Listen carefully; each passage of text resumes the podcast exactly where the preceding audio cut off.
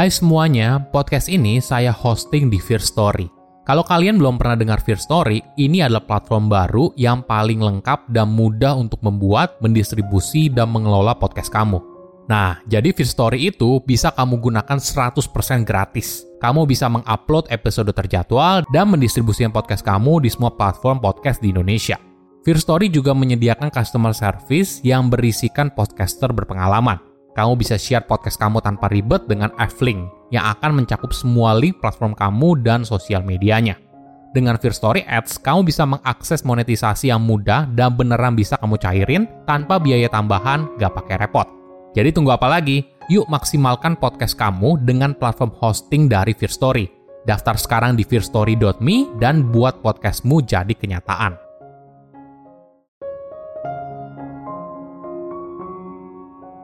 Menunda pekerjaan bukan selalu karena kamu malas. Mungkin saja ada kaitannya dengan rendahnya kepercayaan diri, rasa takut tidak bisa memberikan hasil terbaik, dan perasaan insecure.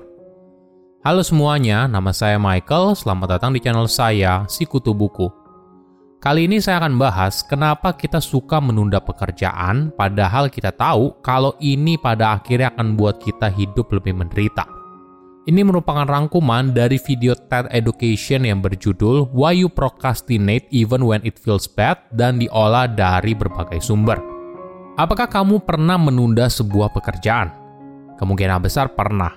Misalnya ada sebuah deadline yang harus selesai hari ini, tapi kamu tiba-tiba saja di tengah mengerjakan hal tersebut, kamu bisa buka media sosial lalu scrolling hingga berjam-jam. Kenapa kamu mengalihkan sebuah pekerjaan penting dengan kegiatan yang tidak berguna? Mayoritas orang mungkin menganggap kita malas ketika menunda pekerjaan. Nyatanya, menunda pekerjaan itu lebih kompleks daripada sekedar kemalasan. Mungkin saja hal ini ada kaitannya dengan rendahnya kepercayaan diri, rasa takut tidak bisa memberikan hasil terbaik, dan perasaan insecure. Sebelum kita mulai, buat kalian yang mau support channel ini agar terus berkarya, Caranya gampang banget, kalian cukup klik subscribe dan nyalakan loncengnya. Dukungan kalian membantu banget supaya kita bisa rutin posting dan bersama-sama belajar di channel ini. Menunda sebuah pekerjaan merupakan masalah umum yang mungkin kita alami sehari-hari dan bisa berdampak negatif. Hal ini bisa berujung pada deadline yang molor, kinerja yang buruk, hingga tingkat stres yang meningkat. Walaupun kita tahu menunda pekerjaan itu buruk, kenapa sulit sekali untuk berhenti? Coba bayangkan skenario ini. Sekarang jam 5 sore dan kamu baru sadar kalau laporan yang selama ini kamu tunda itu deadline-nya besok. Saatnya kerja keras, kamu membuka komputer lalu membuka smartphone. Tanpa sadar, kamu sudah menghabiskan setengah jam scrolling media sosial. Ketika kamu sadar, ternyata ini sudah saatnya makan malam Lalu, ketika kamu kembali mulai bekerja, kamu sudah mulai mengantuk. Apakah tidak lebih baik besok pagi saja tugas ini baru dikerjakan? Ini merupakan siklus menunda pekerjaan, dan kita semua mungkin pernah berada dalam situasi tersebut. Situasi ini di mana kita harus mengerjakan sesuatu, tapi kita merasa sangat sulit untuk memulainya. Kita terus menunda hal itu terus-menerus selama mungkin, hingga tiba saatnya kita tidak bisa menunda lagi. Pertanyaan besarnya, kenapa kita terus menunda pekerjaan ketika kita tahu kalau ini adalah hal yang buruk buat kita? Mungkin perlu dipahami, ketika kita tidak mengerjakan sebuah tugas sekarang, bukan selalu artinya kita menunda pekerjaan. Manajemen waktu yang bertanggung jawab artinya kita bisa menentukan prioritas mana tugas penting yang harus dikerjakan sekarang dan tugas yang bisa dikerjakan nanti. Tapi menunda adalah ketika kamu menghindari sebuah tugas yang sudah dijanjikan untuk dikerjakan, bukan dengan alasan yang bisa diterima. Walaupun pada akhirnya keputusan untuk menunda pekerjaan justru menghasilkan konsekuensi negatif. Tentu saja ini merupakan tindakan yang irasional apabila kita berusaha untuk menyakiti diri sendiri.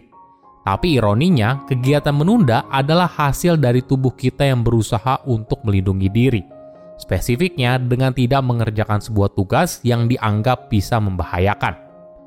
Walaupun sebenarnya kadang ancaman ini ya tidak nyata, tapi merupakan mekanisme pertahanan diri. Misalnya begini, Ketika kamu baru sadar kalau kamu harus segera mengerjakan laporan yang deadline-nya hari ini, otak kamu merespon hal ini seperti sebuah ancaman. Bagian otakmu yaitu amigdala, sekumpulan neuron yang berhubungan dengan sistem proses perasaan dan identifikasi ancaman, akan melepaskan serangkaian hormon termasuk adrenalin sebagai respon dari rasa takut yang muncul.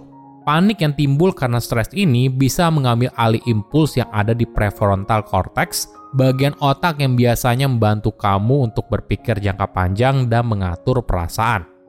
Jadi, di tengah pilihan antara melawan, kabur, atau membeku, kamu memutuskan untuk mengatasi ancaman tersebut dengan menghindarinya, yaitu melakukan kegiatan lain yang tidak membuat kamu stres. Inilah yang pada akhirnya bisa membuat kamu menunda sebuah pekerjaan penting dan malah scrolling media sosial berjam-jam. Mungkin kelihatannya respon ini terlihat begitu ekstrim karena ini kan cuma deadline laporan, bukan serangan hewan buas.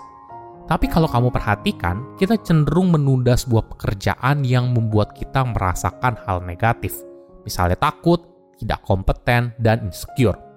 Studi soal mahasiswa yang menunda sebuah tugas menunjukkan kalau para responden cenderung menunda sebuah tugas yang mereka anggap melelahkan atau menantang. Menariknya, persepsi soal betapa sulitnya tugas tersebut meningkat ketika kamu menundanya. Di salah satu eksperimen, responden diberikan pengingat untuk belajar sepanjang hari.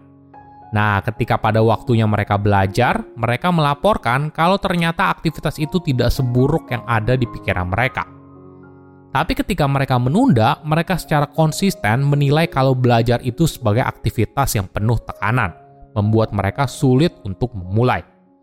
Karena aktivitas menunda pekerjaan cenderung dimotivasi oleh perasaan negatif, beberapa orang mungkin merasakan efek menunda lebih besar daripada yang lain.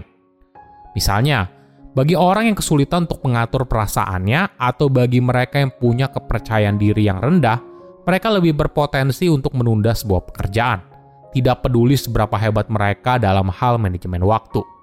Tentunya hal ini berlawanan dengan pandangan umum kalau orang yang menunda pekerjaan adalah orang yang malas. Padahal ketika seseorang menunda pekerjaan, belum tentu karena mereka malas. Perlu dipahami, ketika seseorang malas, mereka cenderung diam tidak melakukan apa-apa, bukan mengalihkan perhatian mereka untuk mengerjakan sesuatu yang tidak penting. Nyatanya, seseorang menunda pekerjaan karena mereka terlalu peduli atas apa yang dikerjakan. Mereka cenderung melaporkan adanya rasa takut kegagalan yang tinggi. Mereka menunda pekerjaan karena takut apa yang dikerjakan ternyata tidak sesuai dengan standar yang diharapkan. Jadi, bagaimana cara untuk berhenti menunda pekerjaan? Pertama, cari tahu alasan kenapa kamu menunda sebuah tugas. Coba evaluasi diri dan tanyakan kenapa kamu menunda pekerjaan itu. Apakah karena takut gagal, ingin terlihat sempurna, kurang motivasi, atau karena lagi banyak banget kerjaan? Mengetahui akar masalahnya akan sangat membantu. Jadi kamu tahu harus mulai dari mana. Kedua, buat tujuan yang spesifik dan bisa dicapai. Bagi beberapa orang, mereka sering kali terlalu ambisius ketika membuat sebuah tujuan Alhasil, hal ini malah membuat mereka jadi kewalahan dan takut untuk memulai. Coba bagi sebuah tugas besar menjadi bagian yang lebih kecil. Misalnya, kamu sedang menjalankan proyek renovasi rumah. Tentunya, apabila kamu diminta besok harus mulai jalan renovasi, sangat sulit kan? Apalagi kalau kamu belum pengalaman, jadi tidak tahu harus mulai dari mana. Jadi, cobalah bagi tugas besar menjadi tugas kecil harian yang perlu kamu selesaikan. Cara ini membuat kita jadi tidak takut untuk memulai karena terlihat lebih mudah dan bisa dicapai. Ketiga, hilangkan gangguan. Cari tahu hal apa yang sering kali mengalihkan perhatianmu ketika kamu sedang mengerjakan sebuah tugas. Misalnya begini, ketika kamu harus mengerjakan sebuah tugas yang sulit, apa yang kamu lakukan ketika kamu merasa ingin kabur dari situasi tersebut? Apakah membuka media sosial di smartphone? atau males sibuk browsing. Cari tahu apa gangguan kamu untuk fokus dan hilangkan. Buatlah situasi di mana kamu bisa tenang bekerja tanpa gangguan. Silakan komen di kolom komentar pelajaran apa yang kalian dapat ketika tahu informasi ini. Selain itu, komen juga mau tahu informasi apa lagi yang saya review di video berikutnya. Saya undur diri, jangan lupa subscribe channel YouTube Sikutu Buku. Bye-bye.